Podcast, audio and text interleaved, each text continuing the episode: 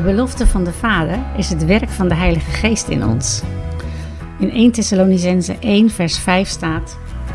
Onze verkondiging aan u overtuigde immers niet alleen door onze woorden, maar ook door de overweldigende kracht van de Heilige Geest. Er is iets meer nodig dan algemene menselijke kennis om met de zorgen van de ziel om te gaan. We hebben het nodig om van de Heilige Geest te leren, om van Hem te horen hoe we kunnen genezen, hoe we kracht kunnen ontvangen. Veel hedendaagse therapieën proberen de zorg van de ziel te genezen door kennis.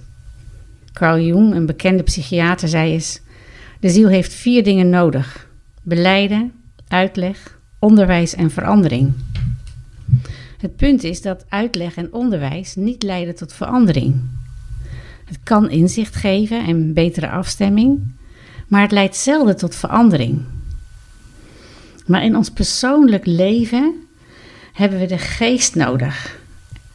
En ook daar zijn vier stappen: beleiden, overgave, acceptatie en verandering. En alleen de eerste drie leiden tot de vierde. Beleiden gaat over alles in het licht brengen en helemaal eerlijk zijn met jezelf en met God. Overgave is de overdracht van de centrale verbinding, de kernloyaliteit van jezelf, eigenlijk van het zelf in jou, aan God. Een acceptatie is de afhankelijkheid en het vertrouwen op de geest, die ons in staat stelt om op te staan tot het leven waar Jezus ons toe roept. Deze drie stappen leiden tot transformatie, tot echte verandering, omdat de geest dan vrij is om zijn werk te doen. En er is niets waar de Heilige Geest meer vreugde in heeft dan onze ziel eerlijk, ontvankelijk en aan God toegewijd te maken. In 2 Korinthe 3, vers 16 staat een hele bekende, maar prachtige tekst die hiermee te maken heeft. Telkens als iemand zich tot de Heer wendt, wordt de sluier weggenomen. Als wij ons op God richten, dan komt Hij dichterbij.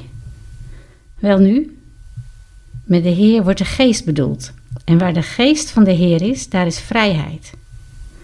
Wij allen die met onbedekt gezicht de luister van de Heer aanschouwen, zullen meer en meer door de geest van de Heer naar de luister van dat beeld worden veranderd.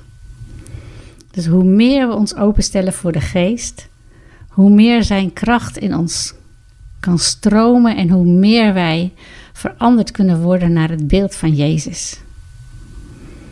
En zo bidden wij, kom Heilige Geest, vul onze harten. Vervul ons met uzelf, zodat we onze wil in lijn brengen met de wil van God. En zo uw koninkrijk kunnen ja, bevorderen. We prijzen u, Heer, dat u ons niet alleen uw woord geeft, maar ook uw kracht. Voor vandaag. Amen.